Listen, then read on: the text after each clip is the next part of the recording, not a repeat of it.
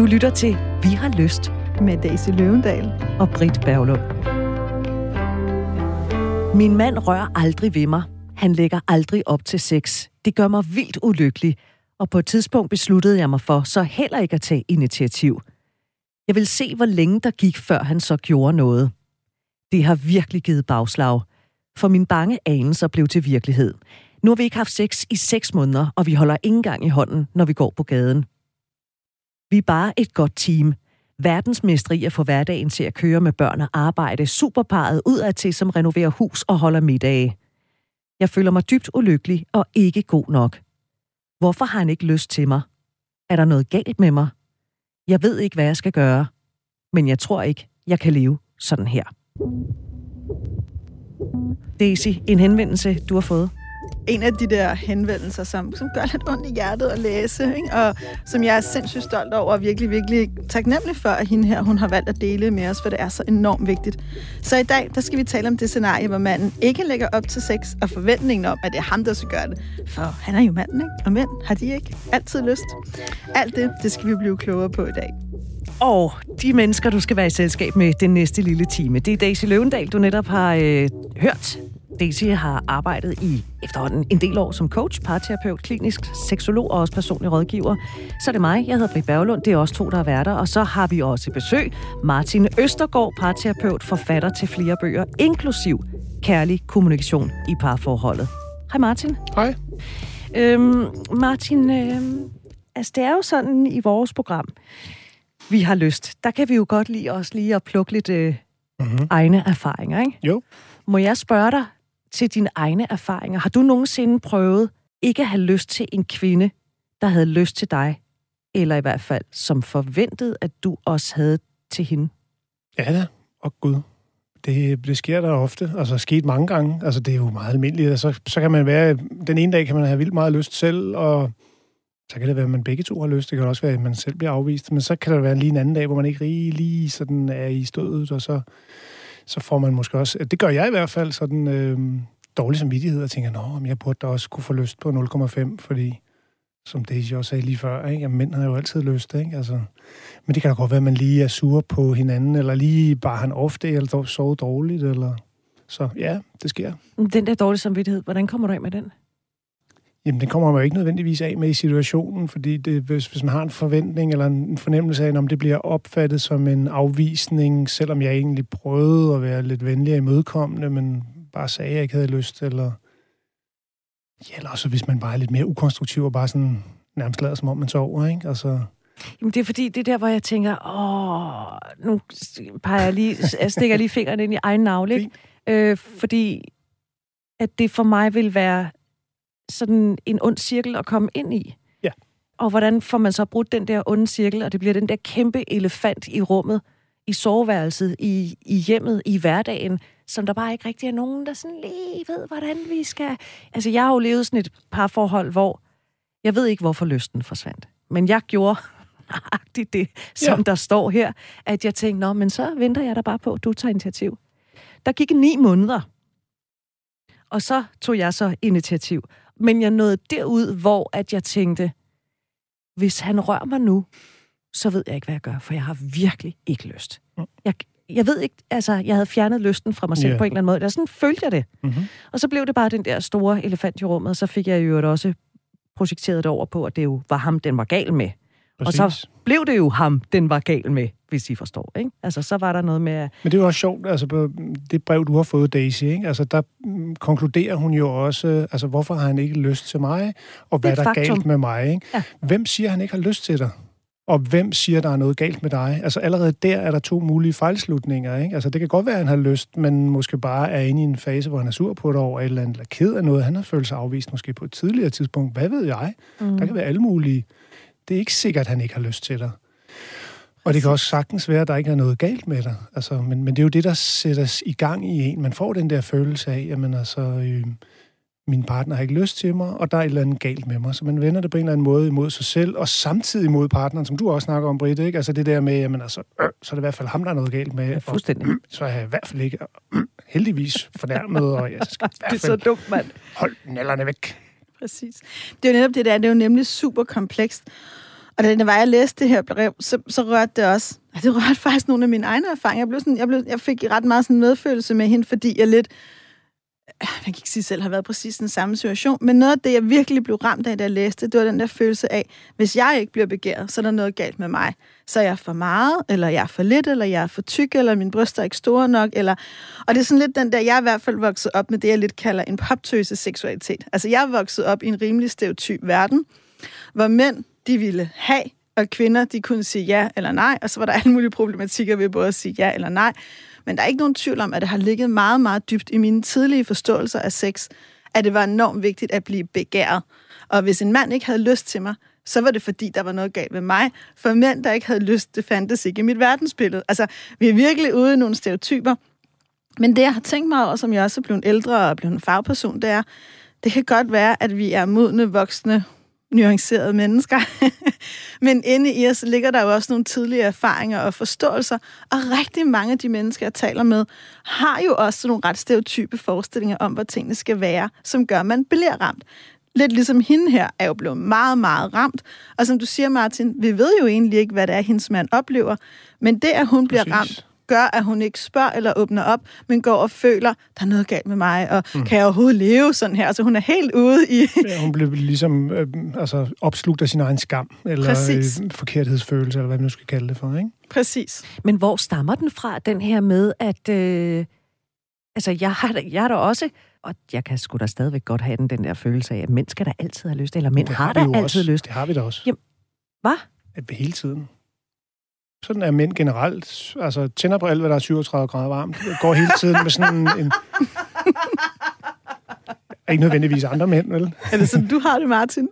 Altså, jeg tror bare, for nu at holde på det generelle, at rigtig mange, altså jeg snakker med i hvert fald, har den der, jeg har en ven, som sagde, at det kunne fandme være rart at kunne tage en pille om morgenen, og så flyttede man fokus for det der med, at, at uh, man konstant skal forholde sig til sin egen seksualitet, som sådan et eller andet med, jamen, jeg har lyst til dig, men jeg kunne egentlig også godt, og dig, og, og den der bagdel der, og så dit hår, og, og, og hende der, og hendes personlighed, og altså, altså, det, det, det, det ramler løs op i hovedet på en hele tiden, og det, det, det, det er jo ja. lidt irriterende, så, så det er jo ikke helt forkert, at mænd har lyst hele tiden.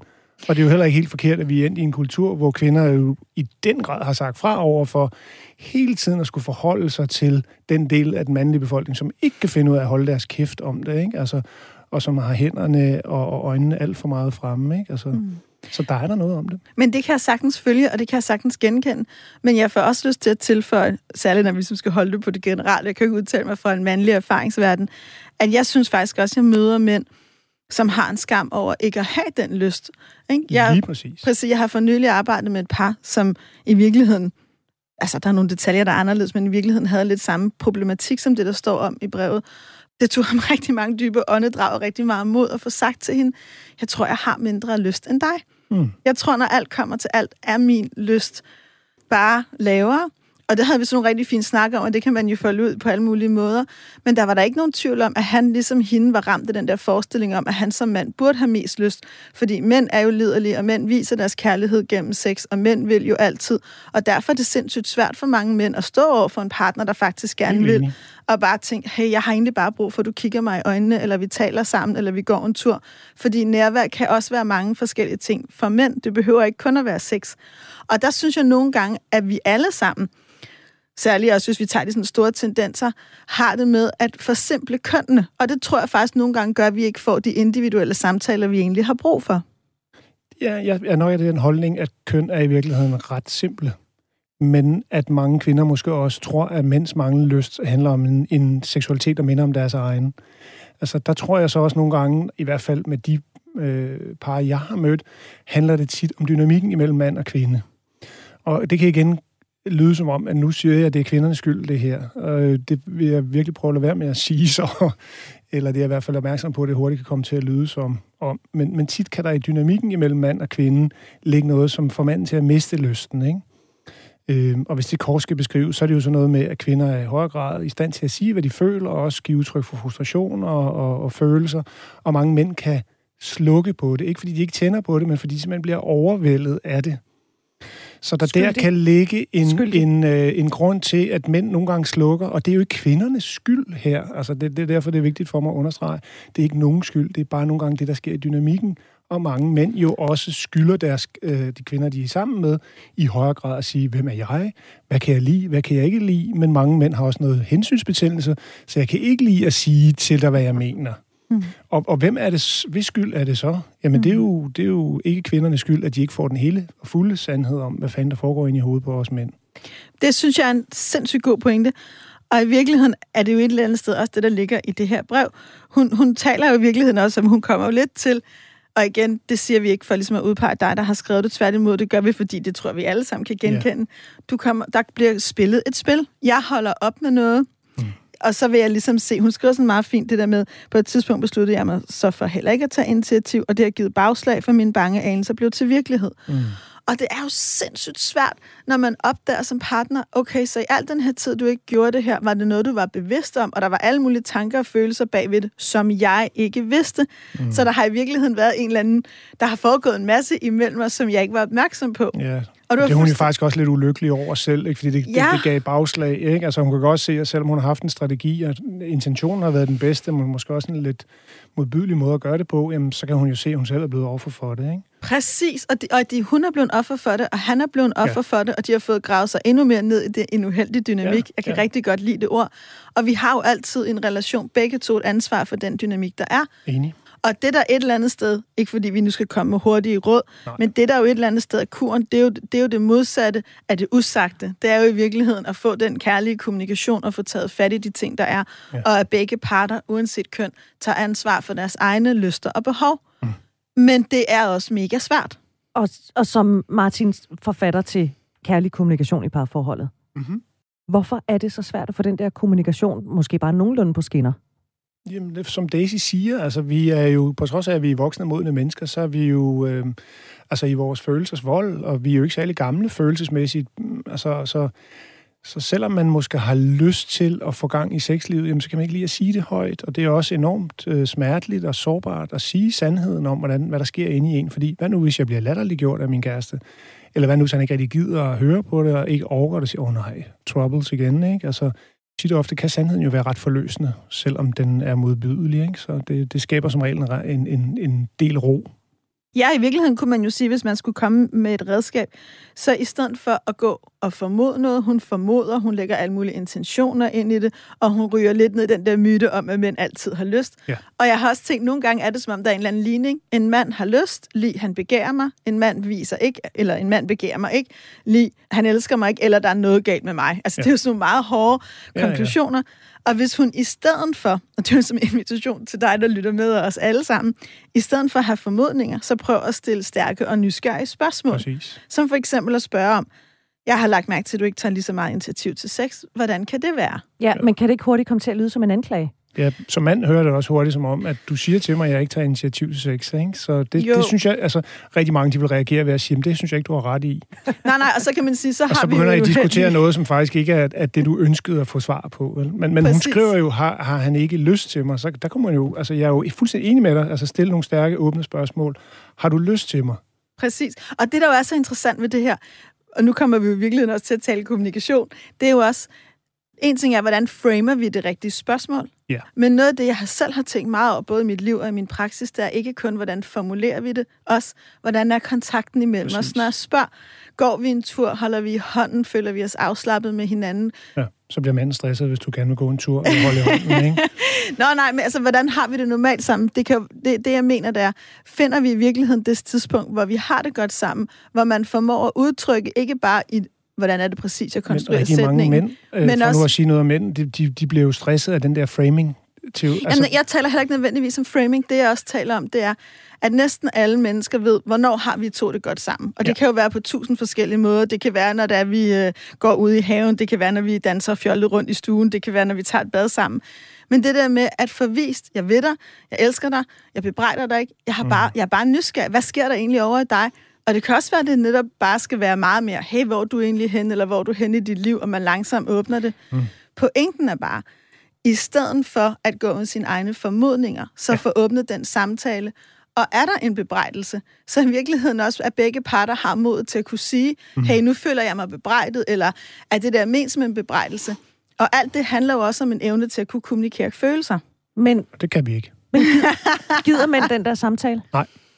Det tænker jeg også umiddelbart. Jeg er glad for, at du spørger om det, fordi jeg, jeg tror, at rigtig mange øh, kan allerede mærke hele vejen hen til skafottet. Der, øh, det er hvorfor er det egentlig et skafot? Det bliver lidt nysgerrig på. Fordi bare det, at manden kan mærke, at kvinden har en mission eller et ønske, og det kan være nok så dybfølt og ordentligt, og han kan sådan set også synes, det er sympatisk og, og rigtigt, og han kan faktisk også have dårlig samvittighed over, at han ikke i højere grad stiller op til det, men han har fanden, undskyld mig, fuck med, ikke lyst til at, at være i det felt. Så, øh, hvad, så hvordan så, foreslår så, du så, man skulle gøre i stedet for, hvis man føler, at ens partner ikke tager initiativ? Ja, det er et godt spørgsmål. Altså, og det, og det er ikke, fordi jeg ikke godt kan følge dig, fordi jeg, jeg synes faktisk, der er noget meget fedt i det, du siger af mange årsager. Alt er heller ikke sprogligt gjort. Det er heller ikke altid, ja. vi bare kan sætte os ned og tale om blandt andet sex og intimitet, fordi mm. det jo også er så kropsligt og så dybt. Og ja, både mænd og kvinder kan gå virkelig meget følelsesmæssigt baglås, fordi mm. det betyder så meget. Ja. Og det er derfor, jeg tænker, ja, det er kommunikationen, det er ordene, det er også kontakten, vi har til hinanden. Mm. Det er, men jeg tror, det er enormt vigtigt på en eller anden måde, altid, frem for at det ligger og styrer en, du ved, i det ubevidste, at få det på en eller anden måde også ind imellem os. Jo, men, så det heller ikke er dig, der er forkert, eller mig, der er forkert. på mændenes vegne, fordi jeg fungerer jo i høj grad, ligesom du gør, og så kan jeg høre på den, din måde at udtrykke det på, så stor respekt for... for men, men øh, rigtig mange mænd kan jo, altså, hele den her snak, det er bare sådan, åh nej, ikke? Altså, det, det, altså hele, hele feltet, ikke? Altså, skal vi nu igen øh, forholde os til det der med, at, øh, at du føler dig afvist af mig, ikke? Altså, jamen, det er jo lige at du kommer ind ad døren og, og, og smider din taske, øh, så kan jeg mærke, at du bebrejder mig over, at jeg ikke er mere på i forhold til dig, ikke? Så, mm.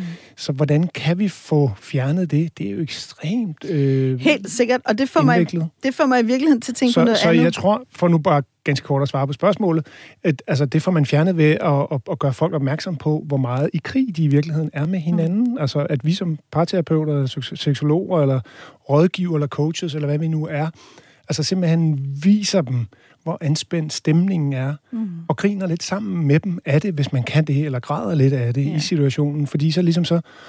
Øh, så fik man lige skuldrene ned, ikke? Altså, og så, så kan man grine lidt af det, og, og, og blive lidt våd i øjenkrogen, fordi man godt kan mærke, hold da helt fest, hvor er det her kompliceret at, at nærme sig, uden at den ene føler sig forkert, og den anden bare føler sig afvist. Ikke? Præcis. Du har helt ret, og det er jo også, i det øjeblik, vi begynder at kunne mærke hinanden, det er også det, jeg hører, du taler om, ja. så kan vi jo også være sammen i det, og så er der ingen, der er forkerte, der er ikke skyld, det er ikke den ene, det er ikke den anden, det er os.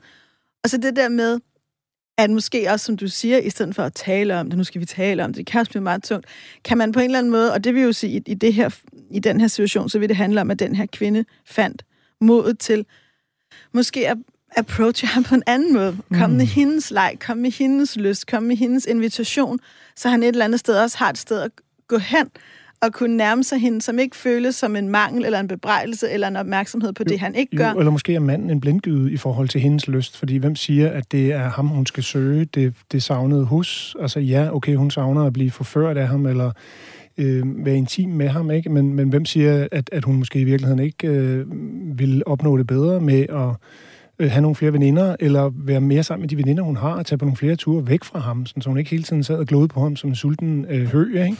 Altså, øh, fordi han føler sig belejret af hende, ikke? Altså, og at hun skal sådan ligesom, han bliver sådan ligesom den der trakt, hun skal øh, have hældt noget igennem for at kunne modtage det, ikke? Jeg, jeg ved det ikke. Jeg, jeg prøver bare sådan at, at lave lidt distortion her, for, for at, at skabe en anden virkelighed også.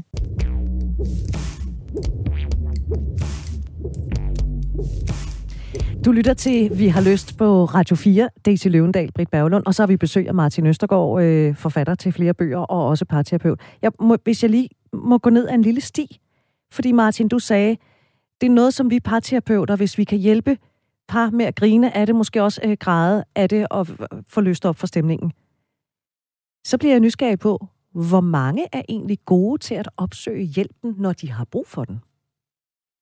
Ganske mange. Altså, det bliver flere og flere, ikke? men, men øh, der er der rigtig mange, der siger, at vi skulle være kommet meget tidligere, øh, og vi skulle være kommet på et tidspunkt, hvor, hvor det ikke var så anspændt imellem os. Og det er da også nemmere at arbejde med par, som øh, altså, tager det sådan lidt mere... Øh, allerede den første, efter de første år, de har kendt hinanden måske, ikke? Altså, hvor kærligheden stadigvæk øh, fylder meget, forelskelsen, eller det behøver den jo ikke absolut, men... Men, øh, men det kan være sådan et stykke forebyggende arbejde. Ja, ja, men helt sikkert. Altså, øh, men, men der er rigtig mange, der, altså, der kommer stadig flere, der tager sig af sig selv og hinanden. Ikke? Det, det er fordi, min umiddelbare tanke er, hvis det er svært at tage den snak med sin partner om, ja, det med, det. med lysten, ja. og så også sige, og i øvrigt synes jeg, at vi skal til parterapeut. Øh, det er måske jo, sådan lige jo, jo. det og det er måske så, øh, ja, fordi øh, så kan vi jo snakke om dine, mine og vores børn. Det er måske lidt nemmere at snakke om hos parterapeuten, det er at snakke om, at øh, jamen, hver gang jeg tager fat i dig, så, så er den helt slappe, ikke? Altså, det, det, jamen, det er da ekstra tabuiseret. Det er det bare. Mm, helt sikkert. Og jeg, det er det helt sikkert. Og jeg tænker også, når jeg lige lytter til jer, jeg tror da også, der er en eller anden generel ting i, hvor, hvor gode er vi til at tale sammen i det hele taget? Hvor gode mm. er vi til at være åbne om vores følelser, være generøse, til at møde hinanden, til, at, til ikke at gå i de der dynamikker, der i virkeligheden kan være meget fastspændte. Hvor gode er vi i det hele taget til ligesom at sige, hey, har vi gang i dynamik, skal vi ikke lige gøre noget andet? Eller, okay, altså nu har jeg været lidt sur, og nu er jeg lidt glad. Eller, altså, og der, det, er jo, det er der jo mange årsager til, at vi mennesker er forskellige på de dimensioner. Og ja, man kan jo sagtens være super god til at finde måder at nå hinanden på, så ikke være super god til det seksuelt og omvendt. Og alligevel, så ser jeg også nogle gange det her som livskunst. Hvor gode er vi i virkeligheden til at stå i det, der er svært generelt? Mm. Og hvor meget går vi helt i baglås, når vi møder de her steder i tilværelsen, som vi jo alle sammen møder. Ja, Men, jeg synes... Ja, undskyld. Nej, kom bare, Martin.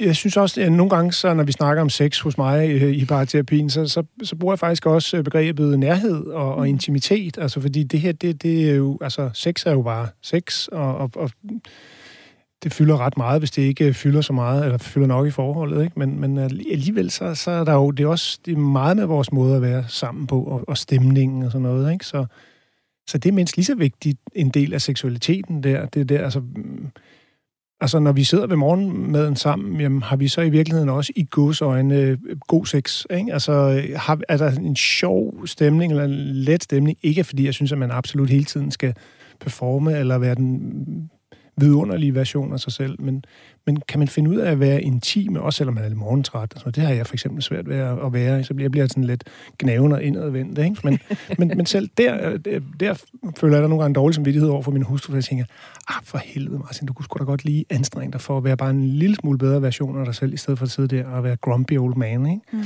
Men omvendt, hvis man kan tage den dialog og så sige, sådan er jeg, så vil den anden jo som oftest øh, forestiller mig at trække lidt på smilbåndet, og så er det ja. sådan, vi er, ikke? Ja, eller netop, og det er noget af det, der er det smukke ved kærligheden, elske den grumpiness, ikke? Altså, du ved ikke, jeg har for, min mand har for eksempel lært at elske, at jeg er faktisk en af dem, der har PMS, ikke? Altså, når man, altså, han har et eller andet sted på en eller anden måde kendt.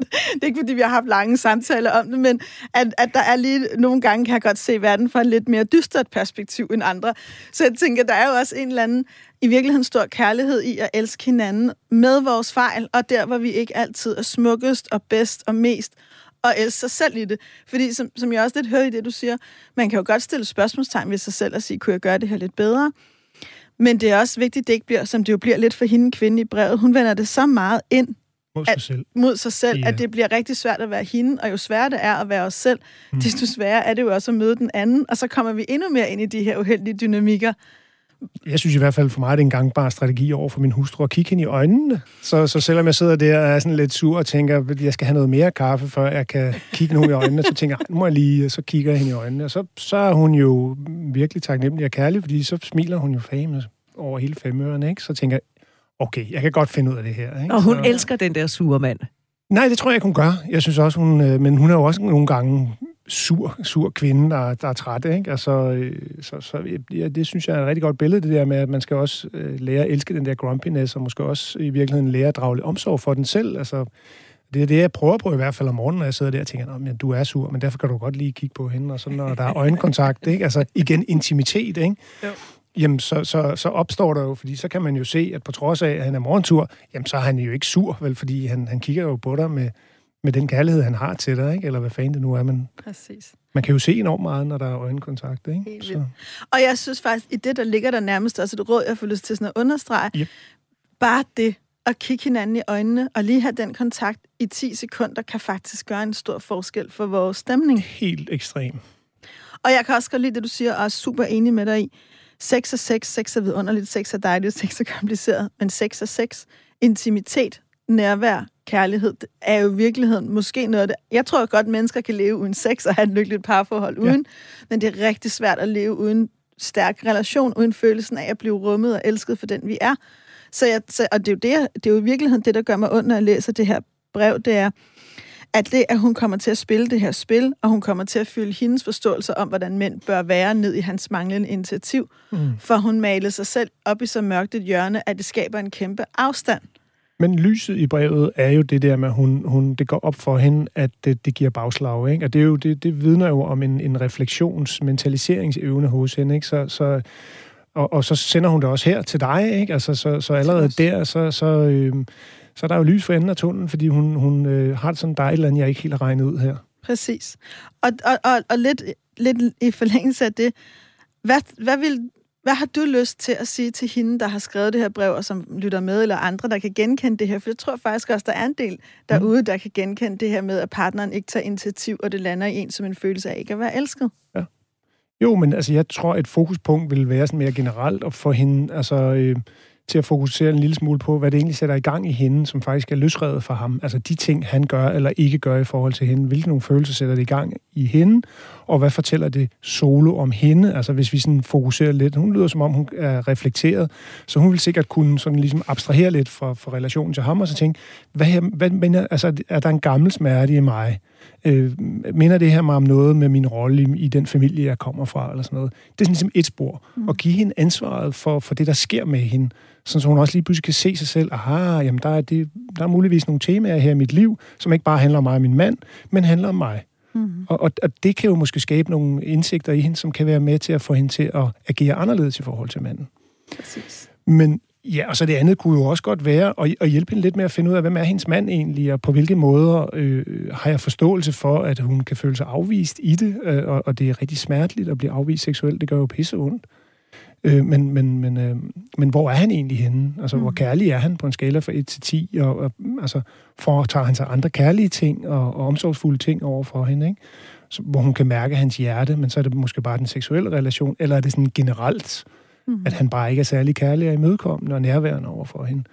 Fordi det er vel også et spørgsmål om at være tro mod sig selv, og sine egne følelser og sine egne tanker. Hvad Absolut. nu, hvis hun ikke kan få det, som hun i virkeligheden gerne vil have fra den mand, som hun så er sammen Ja, med? han er en strøder, ikke? Altså, øh, det, Hvordan det, altså, finder man ud af det, ikke? Jo, men det, det, det synes jeg, at man i en dialog med hende kan finde ud af, hvad, altså, er der god grund til at arbejde på sagen, eller lyder det som om, det er lost case, det her? Det er sådan meget sort-hvidt beskrevet, sådan mm. vil det jo nok ikke være, men, men for nu bare lige at trække... Øh, grænserne lidt op. Ja, men jeg synes, det er jo, nogle gange er det jo meget hjælpsomt i, i et kort øjeblik at blive lidt sort-hvid og prøve at trække nogle dilemmaer ja. lidt skarpere op. Det synes jeg er super fedt. Det er jo, det, fordi det er også noget, det jeg tænkte om, at være tro mod sig selv. Nogle gange, nogle gange kan man jo være over for et menneske, hvor at den enes behov for, nu siger jeg bare intimitet i bredeste forstand, er meget større end den andens. Mm-hmm. Så kan man vælge at sige, okay, det lever jeg med. Altså i virkeligheden, det accepterer jeg, så nyder jeg alt det andet gode, vi har sammen. Og så, så handler det jo om virkelig at elske acceptere, så det er den måde, mit liv bliver på. Eller også, så, så må man gå en anden vej. Okay, så må jeg prøve at handle.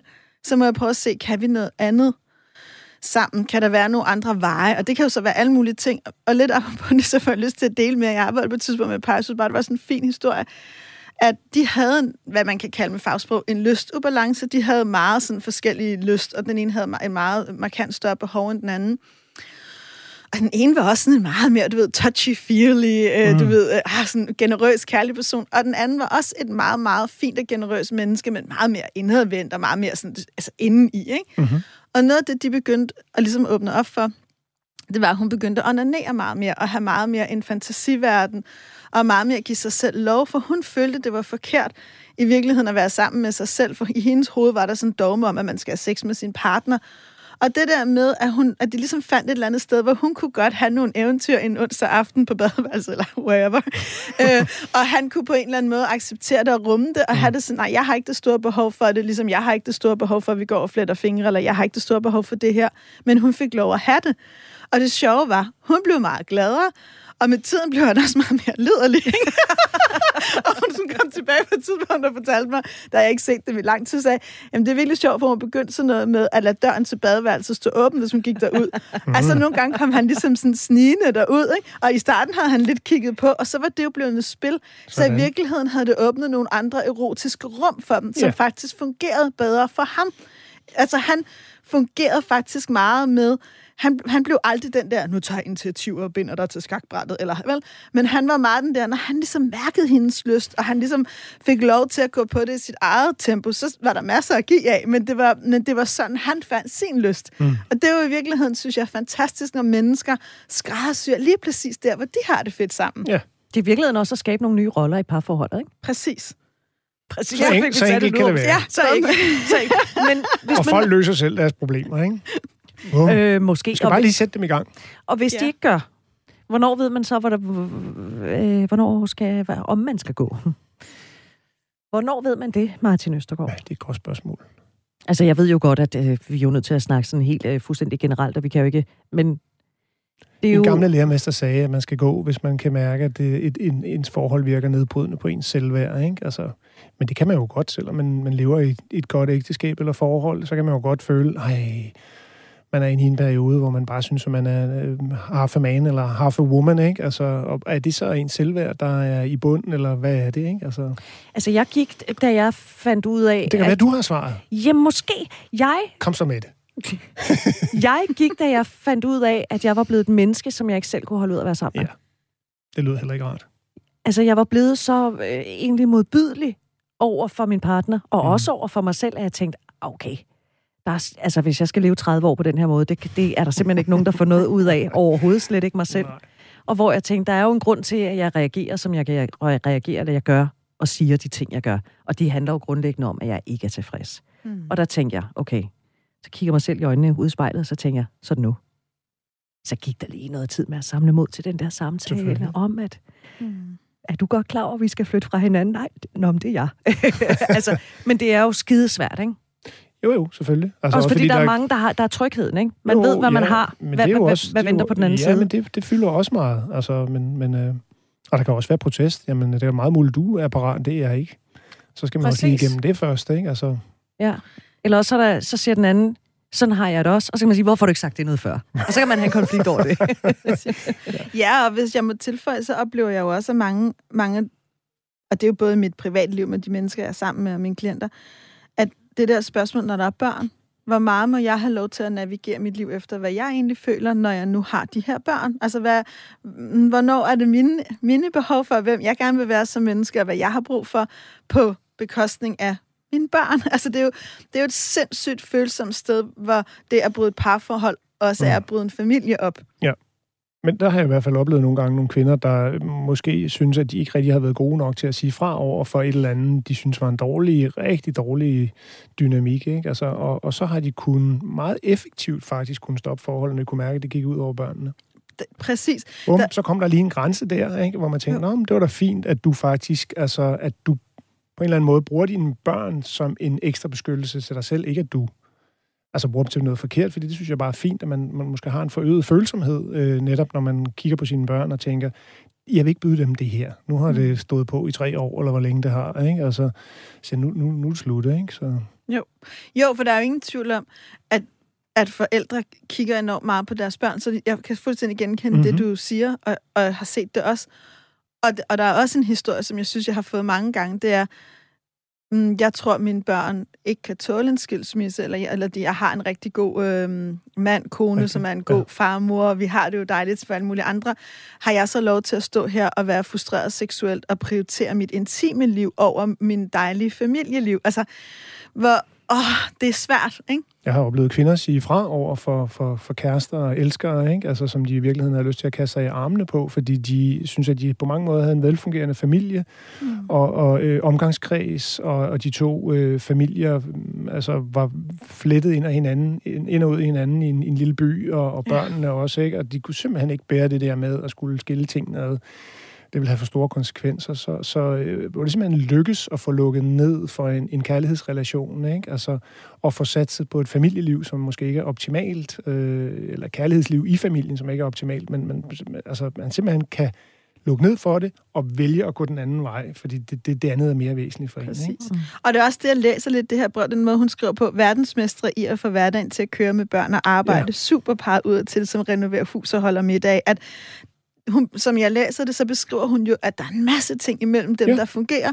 Ja. Og når det så kommer til det allermest private og intime mellem dem, der hvor nærheden og kærligheden og seksualiteten ja. og æraspor, der er den gal. Men tør jeg åbne op for mit, mine ønsker og længsler i det, hvis jeg kan risikere at miste det andet? Jo, der er nogen, der godt kan altså, undvære det, eller sådan øh, nedskalere behovet på det område rigtig kraftigt, og så stadigvæk leve lykkeligt sammen, om man så må sige. Ikke? Mens andre har det sådan, jeg dør i det her, så det, jeg skal mm. videre. Ikke? Altså, så der er vi jo også forskellige. Ikke? Præcis. Det er jo sådan, vi kan jo rigtig godt lide at uh, samle på andre menneskers erfaringer, som vi så kan give videre. Så uh, hører du det her og tænker, mm, der har jeg lige noget at byde ind med, så send os en mail, lystsnabelagradio4.dk. Hvis vi taler om det der med at tage initiativ, Martin Østergaard. Ja. Øh, der er jo nogle kvinder, der måske godt kan have lidt stramt med at tage initiativ, fordi så kan man føle sig meget maskulin. Mm. Og føle måske, man berøver, hvis man er sammen med mænd, berøver manden hans maskulinitet. Gør man det som kvinde? Ja, altså det har jeg hørt mange mænd snakke om, at, at øh, det der med, at kvinden øh, tager initiativ til sex, det kan godt være turn-off for ham. Ikke? Altså, men jeg tror også efterhånden, som man bliver ældre, og nu er jeg blevet en rigtig gammel hej, ikke? Altså, så, øh, så, så ændrer det sig også. Ja, jeg har sgu altid... Jeg er nok sådan lidt atypisk som mand, derfor har jeg også det her fag, ikke? Altså, så, så jeg har sgu ikke noget imod, at kvinder tager initiativ, vel? Altså, øh... Kan de fleste ikke lide at blive begæret, tænker jeg? Jo, men, øh, men, men der er også, altså for nogle mænd kan det også være det der med, at, at man er sådan, har lidt the upper hand, og, og når jeg har lyst, så, øh, så skal du også have lyst, eller så tager jeg initiativ, ikke? Altså, og hvis man engang som kvinde har oplevet, at man tog initiativ, så var han sgu ikke lige i stødet til det, og har følt sig vældig... Øh, altså fået fingrene i klemme, ikke? så kan der godt forstå, at man måske holder sig lidt på afstand og tænker, det skal jeg ikke prøve igen, for det var ikke særlig rart, vel? Øh, men, men jeg synes jo, altså, det, det må være lidt flydende. Altså, øh, hvordan fungerer det for jer, ikke? Altså, mm. det må man eksperimentere med. Altså, jeg tror, det kommer meget af sig selv, ikke? Men, øh, jeg har sådan lyst til at spørge Daisy, om hun er sådan en initiativrig kvinde, og det føler jeg bare, jeg ikke skal. Men nu har jeg gjort det, og så, eller nu har jeg i hvert fald sagt, det kunne jeg virkelig godt tænke mig at spørge hende om, og så må vi se, om der kommer noget fra, fra Spændende, hende. spændende. det er jo et stærkt og nysgerrigt spørgsmål. Men det har jeg jo lige sagt, jeg godt kan lide. Ja. Ej, altså, jeg er jo gift med en mand, som siger, at uh, i krig i køkkenet i sengen, der er der kun én chef. Ikke? Øh, og hjemme hos os, der er det for det meste Ingvar. Ikke? men, men for det meste. Ikke? Øhm, og jeg tror, at hvis man tager sådan en mere faglig vinkel på det, så tror jeg, at noget af det, jeg selv har, har brugt tid på i mit eget liv, og jeg har talt med mange klienter om, det er i virkeligheden at blive klar over, hvordan fungerer min egen tænding. Og man kan sige, at de fleste mennesker, der er jo flere ting, der gør, at vi, vi tænder. Men jeg tror, det er enormt vigtigt for ens egen skyld, uanset om man er single eller i parforhold, at finde ud af, hvordan fungerer min unikke tænding og finde ud af med de mennesker, man har sex med, og hvordan fungerer din. Og det er ikke fordi, at det altid så skal blive til en eller anden godt, nu kender jeg din, og du kender min, nu lægger vi en femårsplan. Men det der med at have kendskab til hinanden, altså, hvor, hvor her for nylig, sjovt nok, fortalte Ingvar mig faktisk om, at det havde betydet meget for ham, som mand, at jeg meget ærligt havde sagt til ham fra starten, jeg, jeg har nok også gennem mit fag været lidt mere eksplicit, at jeg har en tænding i, at blive begæret af min mand. Også fordi jeg er så frygtelig initiativrig i mange andre sammenhæng. Og han ligesom på en eller anden måde sagde, det noterede han så allerede fra starten af, at vi var sammen, at det fungerede skide godt for mig. Så på en eller anden måde er det jo også nogle gange der, hvor vi lidt rykker lidt tættere på, når vi lærer vores partner at kende. Ligeså vel som jeg har jo også en masse små tricks til, til, til Ingvar, hvordan han fungerer som menneske, fordi jeg jo kender ham, og, fordi jeg synes, og for mig er der jo noget enormt rørende og smukt i, at lære hinanden at kende og finde ud af, hvordan, mm. hvordan skal jeg på en eller anden måde nærme mig dig, så du ja, har det godt. Mm, så man kan spille hinanden bedre hele tiden. Præcis. Og være hinandens bedre halvdele. Men det er da også meget interessant, hvordan tænder vi hver især, ikke? Altså, og ikke nødvendigvis gør det til sådan et dogme, altså skal man sådan lige uh, splitte op i midten, eller finde ud af, at nå, så gør vi lidt af det der, så lidt af det der, men... Jeg finder lidt usekset, ikke? jo, jo, men, men, men hvor man bare er opmærksom på, jamen nogle gange så kan det fungere på din måde, og andre gange så er det lidt på min måde, eller nogle gange så gør vi ligesom vi plejer. Præcis. Ikke? Altså, ja, så, man måske så tager vi klassikeren, ikke? ja, lige præcis, ikke? Så, øh... Jo, og så køber vi os lidt tid, så kan vi retænke den til næste gang, ikke? Eller noget af den stil. Det kunne man også.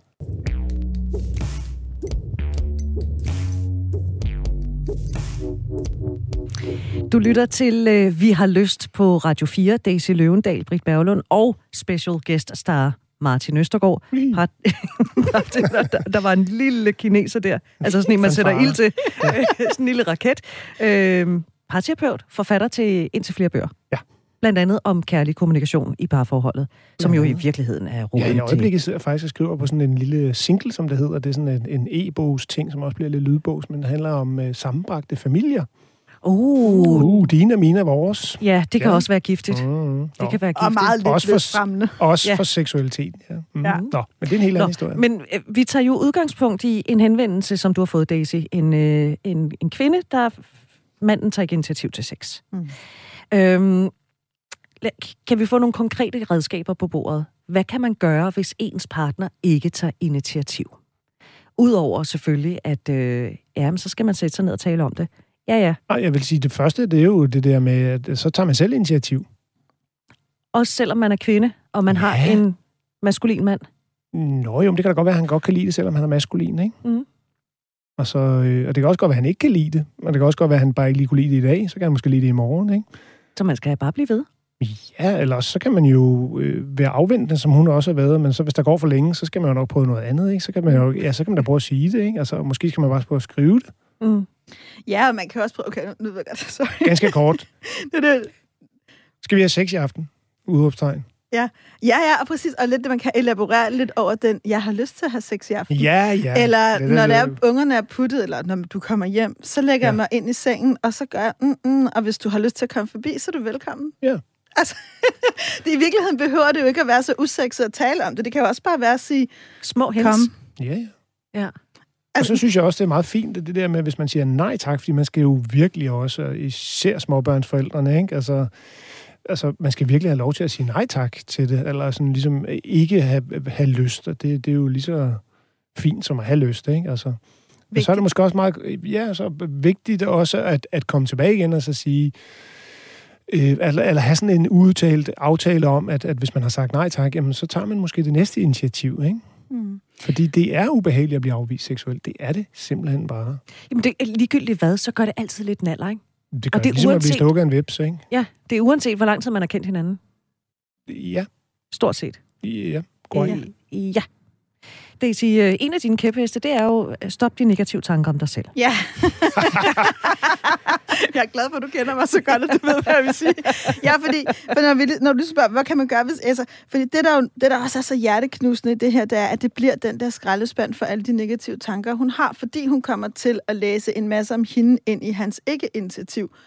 Og ja, jeg altså tror... tømmer hun så skraldespanden i hovedet på ham. Ja, siger, præcis. Siger alt det om ham, som hun synes om sig selv, ikke? Præcis, og det er lige præcis der, hvor vi ikke vil hen. Ja. Så i virkeligheden, hvis din kæreste ikke tager initiativ, så lad være med at gøre det til noget, der handler om dig, for det fører dig kun til alle dårlige steder. Og så tror jeg, og, og lidt i forbindelse med det, så tror jeg også, der er et eller andet det her med, hvis ens kæreste ikke tager initiativ, er det jo ikke det samme, som at du skal miste din seksualitet. Altså, jeg, jeg, jeg har i virkeligheden meget en eller anden grundtanke om, at vores seksualitet er vores egen. Lidt ligesom faktisk, at vores død er vores egen. Altså, helt ultimativt. Og jeg tror ikke, at det er godt for noget, og slet ikke tiltrækning. at lægge død. det. Ja, den lille død, ikke? Og lægge den lille død. Man kan godt få hjælp til den, man kan godt dele den, men man skal ikke lægge den i hænderne på andre. Ikke? Og når Martin snakker en lille død, så er det selvfølgelig sådan helt internt for orgasmen. Men det er helt tanken om at sige... Jamen, du er helt blank der, Britt. Ja, det kunne jeg godt se. Det der, der kunne jeg godt mærke. Jeg havde simpelthen ikke gået på parterapeutskole. Nej, det, det, det, er franske det tegneserier er super hot, hvis man nu mangler noget læsestof. Ikke? Uha, Men, det vidste jeg ikke noget om. Nå, det, det er det. Mange, mange, mange smukke tegneserier, der handler om erotik. Ikke? Øhm, men det er der med, at vi er nødt til at tage ansvar for os selv, og ikke... Hun, hun kommer, som jeg læser det, også til at miste noget af sig selv og hendes egen lyst og hendes egen livsgnist i hendes venten på, at han gør noget, hvor jeg får lyst til at sige til hende, okay, din kæreste tager ikke til initiativ, fred være med det, men du må ikke miste dig selv. Og så er vi også tilbage til, du ved, hende der, der er begyndt at selvtilfredsstillelse og dyrke sin egen verden. Og så er vi tilbage til invitationen. Kom. Ja. Og så kan det være, at den ene siger, ja, det vil jeg da gerne. Og det kan også mm-hmm. være, at den anden siger, nej, ellers tak. Men man mister ikke sig selv, og det synes jeg er ekstremt Det er jo ret vigtigt. erotisk ikke at miste sig selv, eller være sig selv. Ja, det er voldsomt turn-on, ikke? Det, det må jeg jo sige. Det er jo det med tænder på. Det er jo folk, der sådan, ja, i nogle situationer godt have sådan en udstråling, der er larger than life, fordi de bare så er meget i kontakt med sig selv, lige i den situation mm. i hvert fald, ikke? Præcis. Men, men hvis nu man får, altså, så siger man, okay, men så klarer jeg ærterne selv bogstaveligt talt. Ja, altså. nå, men, altså, nå, men, og, og, ja, men det er jo ikke et fravalg af ham. Nej. Det er nej, jo sådan nu. Nej, nej, men hvis, men hvis han har det sådan lidt, prøv at høre, det er fint nok, jeg har simpelthen ikke lige så stort behov for sex, som du har. Ja. Eller jeg har ikke behov for sex, nej. fordi sådan, sådan er der jo også nogen, der har oh, det. God. Så er jeg nødt til lige, øh, Daisy, at kaste blikket eller ørerne en uge tilbage, hvor vi talte om øh, et andet brev, der var kommet. Mm-hmm. Jeg har lyst til at have lyst. Der talte vi om, kan man, eller et af spørgsmålene var i det brev, kan man leve i et parforhold uden sex? Jeg sagde nej, du sagde ja. Mm. Og nu får jeg faktisk lyst til at spørge dig, Martin Østergaard. Hvad synes du, kan man leve i et parforhold, som ikke indeholder sex? Det tror jeg godt, man kan. Altså, øh, det, det, altså som parterapeut igennem 25 år, har, når jeg bliver, det plejer at underholde med at sige, at altså, man kan, man kan aldrig rigtig sådan helt vide, hvad man kan regne med her. Altså, det, det, derfor tror jeg også, at, at jamen, selvfølgelig kan man da godt det. Jamen, selvfølgelig kan man det, fordi det, det er jo ikke afgørende. Hvad nu, hvis man får skåret hjed eller dele af, eller hvad nu, hvis man er på grund af et handicap, øh, eller af andre ting. Jo, men altså, øh, hvad nu, hvis, ja, alt muligt, ikke? Altså, og altså, der... samliv kan sagtens være enormt erotisk, eller nært, eller intimt, uden at, at øh, vi behøver at have the good old in and out, ikke? Altså, øh, det tror jeg på. Præcis. Og det synes jeg, lige det der, det har jeg bare så meget lyst til at underskrive, så jeg kan lige fremhæve det. Ja. Ikke? Og jeg synes, når, man, når jeg snakker med mennesker, der formår netop at have en større perspektiv end det good old kaffe og kage frem og tilbage, mm. så kan vi jo også, jamen, at, har vi sex eller nærhed, hvis vi ligger sammen nøgne under dynen, og du i virkeligheden måske tilfredsstiller dig selv, og jeg er her, Altså, kan det være erotisk? Kan det give noget? Eller kan det give at fortælle om det, eller dele en fantasi? Altså, for nogle ja, for andre vil være big turn off. Præcis. Men, men hele pointen er, I skal sammen udforske, hvad kan vi sammen? Hvad vil give os noget? Og der er jo ingen, der siger, at sex behøver netop at være penetrationssex, hvor vi kører manuskriptet, og det ender med klimaks. Altså, og det gør jo også nogle gange, når jeg møder mennesker, uanset om det er mænd eller kvinder, der siger, jeg har ikke særlig meget lyst. Når vi så udforsker, det er fint, men hvad kunne du have lyst til? Eller hvis du har lyst til et eller andet, hvad er det? Altså kommer der jo nogle gange noget frem, som de ikke har følt var inden for repertoireet. Hvis man for eksempel har en partner, der er meget fixeret på penetrationssex, forbinder man måske ikke den lyst, man har til blide berøringer og langsomt et eller andet som sex, men det er jo også en del af repertoireet. Det er jo også en del af den del af livet. Og jeg kan ikke huske, hvornår jeg hørte det, men på et eller andet tidspunkt hørte jeg øh, nogle forskere snakke om, at der faktisk er opdaget et, et hormon, som øh, rammer os meget, meget dybere end det der med de der sådan, hormoner, der bliver udløst, når man har sex, eller man har øh, sjove oplevelser og sådan noget. Ikke? Og det er den, der handler om øh, altså samhørighed. Altså, tilknytning. Tilknytning, ja. Mm. Ikke? Altså, og det er i virkeligheden meget mere øh, stærkt hormon, og det er meget mere afhængighedsskabende. Så der er altså en god grund til, at folk de lever med en frustration over, at der ikke er tilstrækkeligt meget sex, fordi det er sådan en almindelig funktion i rigtig mange forhold, at det, sådan, det har sådan en nedadgående kurve over nogle år. Men hvorfor bliver de så sammen? Ikke? Altså, jamen det gør de, fordi der er rigtig mange andre ting, der er væsentlige, og det er jo ikke bare det der med, at man skal tage sig af nogle børn, eller der er et huslån, eller åh oh, nej, øh, svigermor bliver også øh, øh, hopper ud fra altanen, hvis vi går fra hinanden. Ikke? Altså, det, det er nok også bare fordi, at, at jeg tror ikke kun det er vane og hygge og, og, og sådan noget. Jeg tror også fordi, altså tilknytning, der kan være en rigtig, rigtig dyb tilknytning. Jamen, og som hun skriver, vi er et super godt team. Ja. Altså, det, det der også måske i virkeligheden værd at holde fast i. Det er og så kan man sige, så, kan, så er der måske nogen, og det, det ved jeg, altså jeg har jo været på Tinder i noget tid efterhånden, og der uh-huh. er nogle profiler, hvor at, øh, at det er, jeg er gift, men jeg lever i et sexløst øh, forhold. Jeg søger en at dele øh, seksuelle oply- oplevelser med. Øh, min partner ved det godt. Mm. Mm. Og det er jo også en model. Jeg ved ikke lige, hvordan man breaker den, øh, når man sidder der. Men, men det har de jo så gjort. Så. Præcis. Men det kan vel i virkeligheden også være en gangbar vej. Man siger, hvad, hvad siger du til? Ja, du har ikke særlig meget lyst, det har jeg er det i orden, at jeg så finder en anden Ja, til synligheden er det så i orden for dem, ikke? Altså, mm. det kan jo så også godt være, hvis de finder ud af, at det ikke er helt i orden, fordi nu blev du lige lidt for glad for Brit, ikke? Altså, fordi det der tilknytningshormon, ikke? Altså. Jo, fordi det, det, du må gerne knalde med Brit, men du må dele med ikke blive sådan kæresteagtig med hende, fordi det er også to, der er gift og sådan noget. Hvad, hvad, hvad delen gør man så, ikke? I skal altså, ikke drikke kaffe eller ud og spise. Ja, lige præcis. Det må, der, der er nogle, nogle begrænsninger på, på dealen der. Så kan det jo så godt være, at Brit, hun ikke har lyst til at være med, ikke? Fordi hun mm. har sådan, åh, oh, okay, jamen det, det gider jeg så ikke. Det, Altså, jamen altså, hvis de gerne vil det, og, og øh, jamen, så er der nok en, der passer. mm. til den der lille familie kan hjælpe dem med det, ikke? Altså at hjælpe sig selv. Fordi nogle gange kan det jo også være en befrielse, at man ikke nødvendigvis skal have en kæreste. Øh, og en mand, man skal vågne op sammen med øh, fuldstændig skiller og med dårlige ånden, ikke? Altså, øh, men, men, og de øh, forpligtelser, der følger med. Ja, ja, så går han hjem til sin kone bagefter, og alle er glade, ikke? Jo, så kan hun tage vasketøj. men øh, nej, nej, jeg er. Hvem, hvem ved, hvad der er, er altså er synd at nedgøre hende, ikke? Altså, fordi hvis, hvis, hvis de nu har en re, rigtig god øh, deal de, der... De er et superteam, ja. og de er superparet. Ja, absolut, og jeg tror, jeg tror, det, der er vigtigt, når det er, man taler om det med at åbne forhold, som jo fylder rigtig meget. Jeg, jeg synes i hvert fald, jeg oplever mange, der tænker over det, har en interesse i det. Der, der tænker jeg nogle gange, at der er to ting, jeg tror, det kræver. Det ene er, at man faktisk har på det, og vi startede, at man er rimelig ærlig, og man er rimelig god til at kommunikere, fordi det kræver også noget ærlighed og noget kommunikation at få lavet den rigtige model.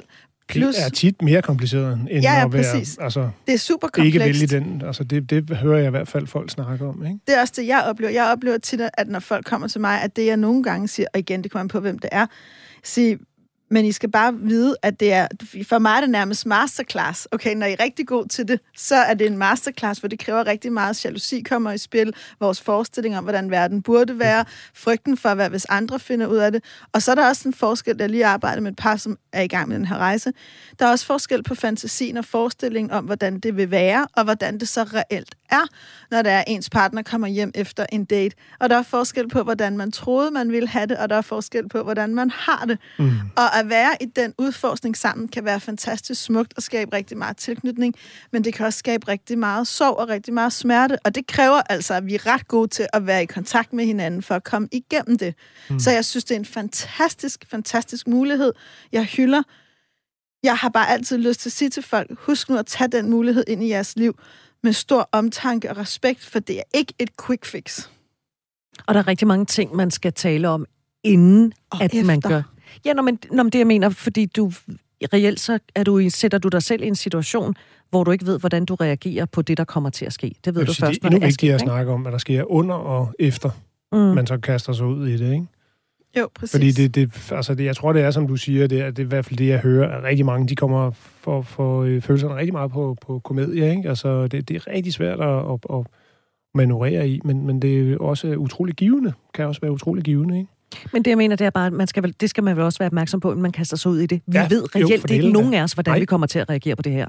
Jeg har det faktisk op, oplevet nogle forskellige forhold, hvor, hvor de sådan, ved indgåelse af forhold, så har kvinden sagt, jamen jeg er, altså, vi kan godt have et åbent forhold for min skyld. Og så har man sagt, nej, nej, nej, nej, hej, vi skal ikke have noget åbent forhold, det er dig og mig.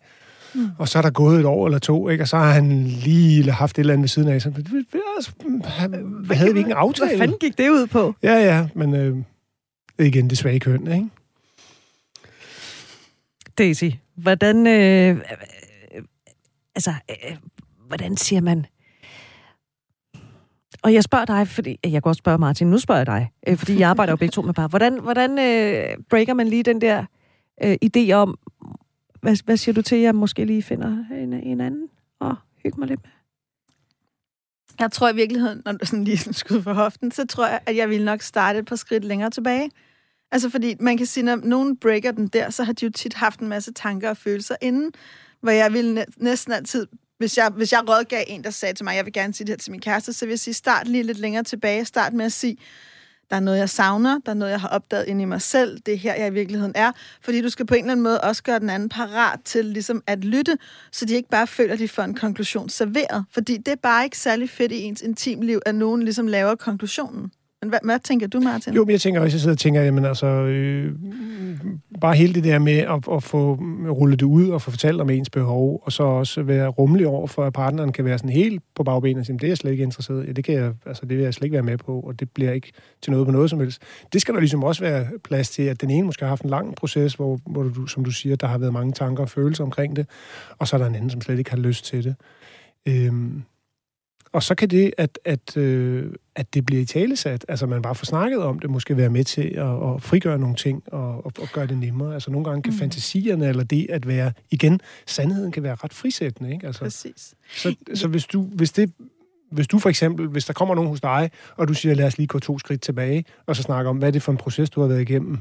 Altså, alene det at kunne sige over for en tredje part, som, som ikke øh, bliver såret på samme måde som ens kæreste, og den tredje part kan hjælpe en med at være i det der med at fortælle om sådan noget, der er sårbart, uden at man føler sig fordømt, eller kan se, at den anden sidder og græder. At, at, altså, det kan jo være forløsende for mange. Præcis. Vi nærmer os afslutningen, venner. Øh, fest. Ja, men så hurtigt flyver 55 minutter, når man var er i mega godt selskab. Øh, men der er det, at øh, vi er jo åbne over for at modtage erfaringer, spørgsmål, alt muligt andet. Lyst radio4.dk, og så kan man følge hashtagget Vi har lyst. Daisy, vi har lyst til mere. Det fordi øh, det er sådan, at programmet her, det kan jo selvfølgelig hentes som podcast. Øh, men hver uge, der kan man så finde en lille bonusudsendelse. Den har ikke nogen fast længde. Den kan være 4 minutter, den kan være 18, den kan være 16 minutter, et eller andet. Øh, hvor vi følger op på det, som vi har talt om. Øh, den kan du altså hente, vi har mere lyst. Og så Martin Østergaard, parterapeut, forfatter, alt muligt andet godt nede i den der kasse. Tak fordi du vil komme og dele ud af din guldkorn her. Selv tak. Programmet det produceres for Radio 4 af Only Human Media. Thank you.